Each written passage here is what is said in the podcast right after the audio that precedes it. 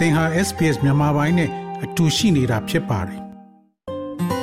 SBS မြန်မာပိုင်းကို အင်ကာနဲ့စနေနေ့ည10:00နာရီမှနားဆင်နိုင်တယ်လို့အွန်လိုင်းကနေလည်းအချိန်မီနားဆင်နိုင်ပါပြီ။ဟိန္ဒူဘာသာဝင်တွေရဲ့အထိမ်းအမှတ်ဒီပါဝလီနေ့မိထွန်းပွဲတော်ကိုတကဘာလုံးမှာကျင်းပနေတဲ့အခါသမယမှာပဲမြန်မာနိုင်ငံကတိုင်းရင်းသားလက်နက်ကိုင်အဖွဲ့အစည်းတစ်ခုရဲ့အထိမ်းအမှတ်ပွဲတော်နေ့ကတော့ရုပ်စုအကြီးတန်းခဲ့ရပါပြီ။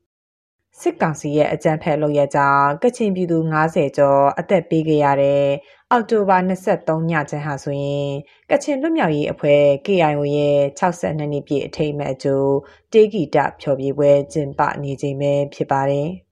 ဒီနေ့ဖြစ်ရက်ကလုံးဝဆူဆူရွရွကြီးကိုစစ်တပ်ဘက်ကကချင်လူမျိုးတွေပေါ်စော်ကားလိုက်တာပေါ့နော်အဲ့ဒါလုံးဝကချင်တမိုင်းမှာလည်းတွင်သွားပြီ KIO ရဲ့62နှစ်ပြည့်အတွက်ကချင်ပြည်နယ်ဖားကတ်မြို့ KIA တပ်မဟာကိုအနက်ပါကျွော်မှာတေဂီတာဖျော်ဖြေပွဲပြုလုပ်နေချိန်စစ်ကောင်စီလေတပ်ကတိုက်လေရင်သုံးစီးနဲ့ဘုံကျဲတိုက်ခိုက်ခဲ့တာကြောင့် KIA အရာရှိတချို့ကချင်နာမည်ကြီးအမှုပညာရှင်တွေအပါအဝင်ဒေသခံတွေအသက်ဆုံးရှုံးခဲ့ရတာပါ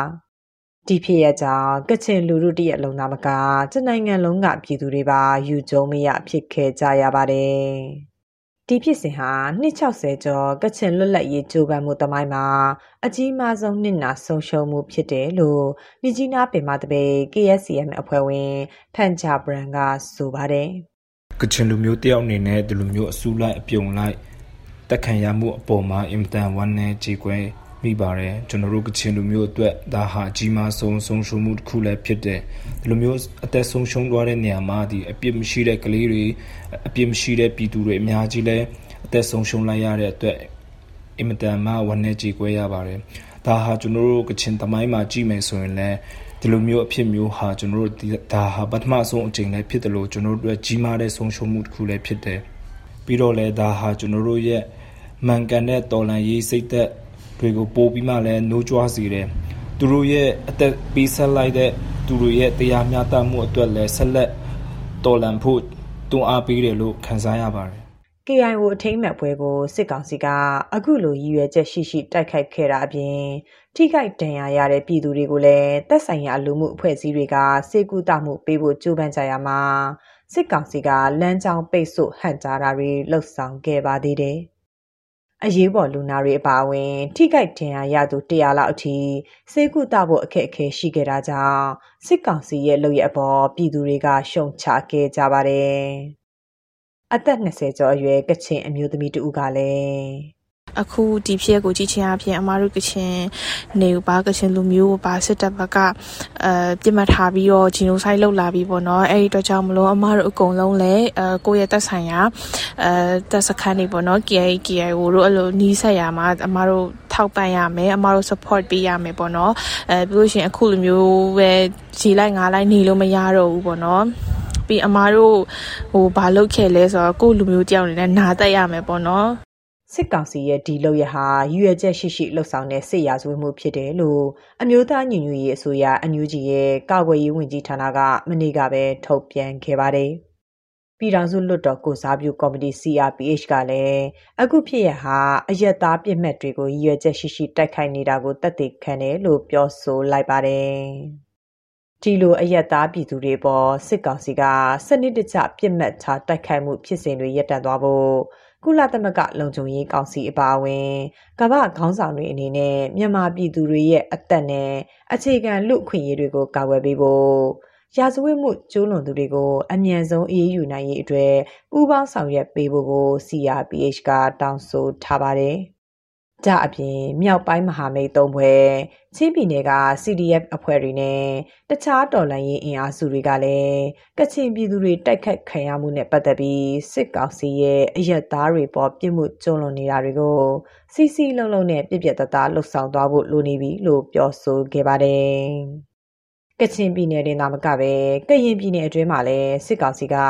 လေကြောင်းတိုက်ခိုက်မှုတွေကိုဇက်တိုက်ဆိုသလိုပြုလုပ်ခဲ့တာကြောင့် ပြီးခဲ့တဲ့ရက်ပိုင်းကကော့ကရိတ်မြို့နယ်အတွင်းအရက်သားပြည်သူထိခိုက်သေဆုံးမှုတွေရှိခဲ့ပါတယ်။စစ်ကောင်စီကအခုလိုလေကြောင်းတိုက်ခိုက်မှုတွေကိုနောက်ဆုံးလက်နက်အဖြစ်အစွမ်းကုန်အသုံးပြုနေတာဖြစ်တယ်လို့ KNU ဗဟိုကော်မတီဝင်ဖဒိုမန်မန်ကသူ့ရှုမြင်ပုံကိုအခုလိုဆိုပါတယ်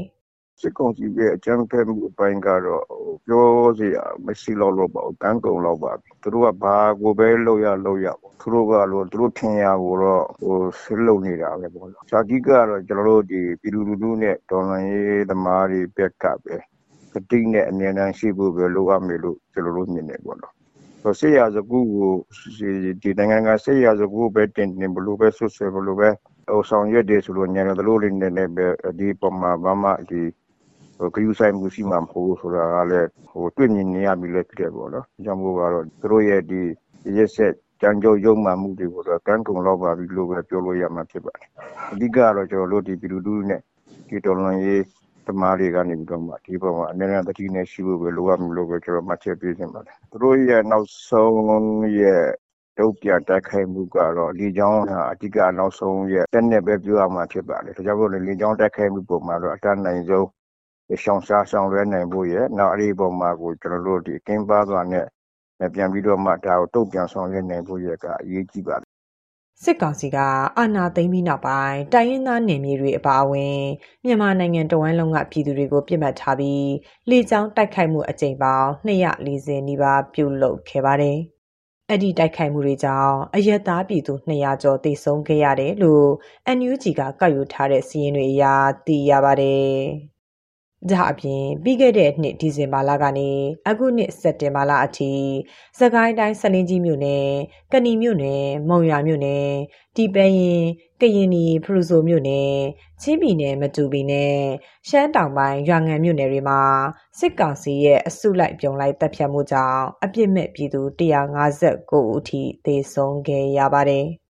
ပြီးခဲ့တဲ့စက်တင်ဘာလ16ရက်မှာဖြစ်သွားတဲ့စကိုင်းတိုင်းဒီပဲရင်လက်ရက်ကုန်းစာတင်ကျောင်းကိုလေကြောင်းကနေတိုက်ခိုက်ခဲ့တာကြောင့်ကလေးငယ်17ဦးထက်မနည်းသေဆုံးခဲ့ရတဲ့ဖြစ်စဉ်ဟာကဘာတိထင်ရှားခဲ့ပေမဲ့တလကျော်အချိန်ထိနိုင်ငံတကာရဲ့ထိရောက်တဲ့တုံ့ပြန်မှုတွေမရသေးဘူးလို့ဝေဖန်မှုတွေလည်းရှိနေပါတယ်စစ်ဘေးရှောင်အရေးကူညီပေးနေတဲ့ဒီပဲရင်ညီနောင်များအဖွဲ့တာဝန်ရှိသူတူက အဲ့တော့ဒီဒေဆုံးမှုတွေနောက်တကဒီဒဏ်ရာရတဲ့ထိခိုက်နေတာမှုတွေစသဖြင့်ပေါ့ဗျာဒီဝရင်တိုက်ခိုက်မှုကြောင့်ထိခိုက်ပျက်စီးမှုအခြေအနေတွေကတော့ဒီမြန်မာနိုင်ငံနဲ့မကဘူးကဘာလဲတည်နေတဲ့အခြေအနေပေါ့နော်တော်တော်ကိုထင်ထင်ရှားရှားသိသွားတဲ့ကိစ္စတစ်ခုပေါ့ဒီလိုထင်ထင်ရှားရှားဖြစ်သွားတဲ့ကိစ္စပေါ်မှာတော့မှကျေတူကဟိုသိတာထင်ရှားတဲ့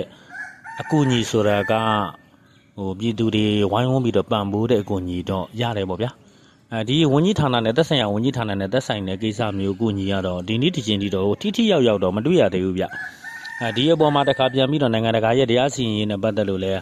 အမျိုးမျိုးဖုံဖုံတော့ဒါဟိုသတင်းတွေမှာတော့တွေ့ရတော့ဗါဒါပေမဲ့ဟိုအတိတာထင်ရှားတဲ့ကိုမျိုးတွေမှာဖြစ်တာမဟုတ်ပါဘူးဒီလိုဝင်းဟင်ကနေပြစ်ခတ်တိုက်ခိုက်ခံရပြီးတော့ဒီအစုလိုက်တွန်းလိုက်တက်ပြတ်ခံရမှုတွေအဲဒီလိုမျိုးတွေကတော့မျိုးမျိုးနေနေမှာလည်းကြုံနေတယ်ဒါတင်နဲ့ပတ်သက်လို့နိုင်ငံတကာရဲ့ရေးယူမှုဆောင်ရွက်မှုဆိုတာတော့သိတော့မမျှော်လင့်ပါဘူးဗျဘာလို့မမျှော်လင့်လဲဆိုတော့ဟိုတကယ်တကယ်သူတို့ဒီနိုင်ငံတကာပဲဖြစ်ဖြစ်ကုလသမဂ္ဂပဲဖြစ်ဖြစ်သူတို့အကျိုးမြတ်တစုံတစ်ခုမရှိဘဲနဲ့အလုံးမလုပ်ဘူးဆိုတာမျိုးကိုတော့ဟိုနာမန် ပြည်သူတရားအနေနဲ့နားလည်လိုက်တယ်ပေါ့ဗျာအဲ့တော့ဒီနိုင်ငံတကာရဲ့ရည်ယူဆောင်ရွက်မှုမျိုးဆိုတာတော့တည်ကြီးမျှော်လင့်ထားလို့မရဘူးပေါ့ဗျာလက်ရက်ကုံစာတင်ကျောင်းကိုလေကျောင်းနဲ့တက်ခတ်ခဲ့မှုနောက်ပိုင်းမှာချင်းပြည်နယ်၊ကရင်ပြည်နယ်၊ရခိုင်ပြည်နယ်၊စကိုင်းတိုင်းနဲ့ကချင်ပြည်နယ်တို့မှာလည်းစစ်ကောင်စီကသူတို့ရဲ့အာသာချက်လေကျောင်းအင်အားသုံးတိုက်ခိုက်မှုတွေကိုစက်တိုက်ဆိုသလိုပြုလုပ်ခဲ့တာပါ။ အခုအောက်တိုဘာလထဲမှာထပ်တိုးလှုပ်ဆောင်မှုတွေကြောင့်ကရင်ပြည်နယ် KNU တပ်မဟာ6နယ်မြေထဲမှာဆိုရင်လေ၃လရက်စတိုင်ညတကောင်ရန်ကြော်အချိန်မှမချမ်းလေကြောင်းပစ်ခတ်တိုက်ခိုက်မှုတွေကိုစစ်ကောင်စီကလှုပ်ဆောင်နေတာဖြစ်ပါတယ်။ အာဏာသိမ်းပြီးနောက်ပိုင်းမှာစစ်ကောင်စီကတပ်ဖြတ်ခဲ့တဲ့အပြစ်မဲ့ပြည်သူ2300ကျော်အထိရှိလာနေပြီးအဲ့ဒီထဲမှာလေကြောင်းတိုက်ခိုက်ခံရမှုကြောင့်သေဆုံးခဲ့ရသူ39ဦးရှိတယ်လို့နိုင်ငံရေးအကျဉ်းသားများကုညီစောင့်ရှောက်ရေးအသင်း AABB ရဲ့နောက်ဆုံးထုတ်ပြန်တဲ့စီးရင်တွေမှာတွေ့ရပါတယ်။စစ်ကောင်စီရဲ့အယက်သားပြည်သူတွေပေါ်ဒီလိုပြစ်မှတ်ထားလေကြောင်းတိုက်ခိုက်နေတာတွေကိုရပ်တန့်ဖို့ဆိုရင် အာဆီယံနဲ့အိန္ဒိချင်းနိုင်ငံတွေရဲ့ထိတိယောက်ယောက်အရေးယူဆောင်ရွက်မှုဟာလည်းအရေးပါတယ်လို့ဖရိုမန်မန်ကဆိုပါတယ်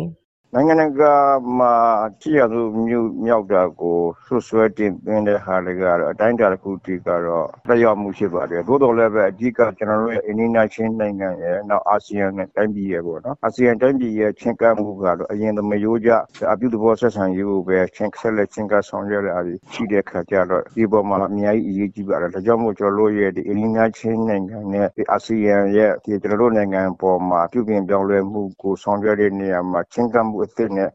ဆောင်ရွက်ရမှုမှမကျွန်တော်တို့ပြောချင်ပါတယ်အရင်လိုပဲဒီအပြုသဘောဆက်ဆံမှုတွေချင်းကဆက်ဆံမှုနဲ့ပဲဆက်သွားမယ်ဆိုရင်တော့ဒီကျွန်တော်တို့ရဲ့နိုင်ငံရဲ့ပြဿနာကဘယ်တော့မှအပြည့်မြောက်အောင်မြင်မှာမဟုတ်ပါဘူး။ဒါကြောင့်မို့လို့ဒီအာဆီယံတိုင်းပြည်အနေနဲ့နိုင်ငံတွေအဖွဲ့ဝင်အနေနဲ့ကတော့ကျွန်တော်တို့ရဲ့နိုင်ငံအရေးပေါ်မှာတော့ဗမာနဲ့မားတဲ့ဘက်မှာမှရှင်းရှင်းလင်းလင်းထုတ်ပေါ်ပြီးတော့မှပဲဗမာနဲ့ဘက်ကရည်တည်ပေးဖို့လိုအပ်နေပြီလို့ပဲဒီကျွန်တော်တို့ပြောချင်ပါတယ်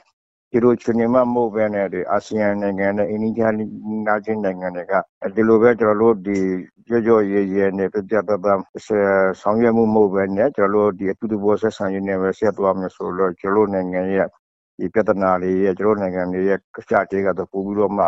ဟိုစားပေါ့အထူးရှည်သွားနိုင်မှာပဲကျွန်တော်တို့ပြောလို့ရမှာ တိုင်းပြည်နဲ့ပြည်သူတွေရဲ့အသက်အိုးအိမ်စီးစိမ်လုံခြုံရေးအတွက်တာဝန်ယူရတဲ့စစ်တပ်ဟာ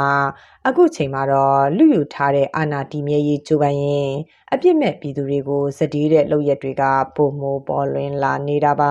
။ဒါကြောင့်ပြည်သူတွေအနေနဲ့တော့စစ်ကောင်စီရဲ့တစားကန်ဆက်ဝင်းနဲ့မကြရောက်ဖို့တတိကပ်ပြီးစက်ကပ်မလက်နေထိုင်နေရတဲ့နေရက်တွေကိုဖျက်ဆီးနေကြရတာဖြစ်ပါတယ်။ ဒီသတင်းဆောင်မကိုတန်လွင်ခက်ကပေးပို့ထားတာဖြစ်ပါတယ်။ SBS မြန်မာပိုင်းကိုနားဆင်ရတာနှစ်သက်ပါတလား Facebook မှာဆွေးနွေးမှုတွေကိုဆက်ကြရအောင်ပါ။ SBS မြန်မာပိုင်း Facebook ကို like လုပ်ပြီးတော့သင်ချင်တဲ့ချက်ကိုမျှဝေနိုင်ပါတယ်။ SBS Bemis ကို Facebook မှာ share ကြည့်နိုင်ပါတယ်ရှင်။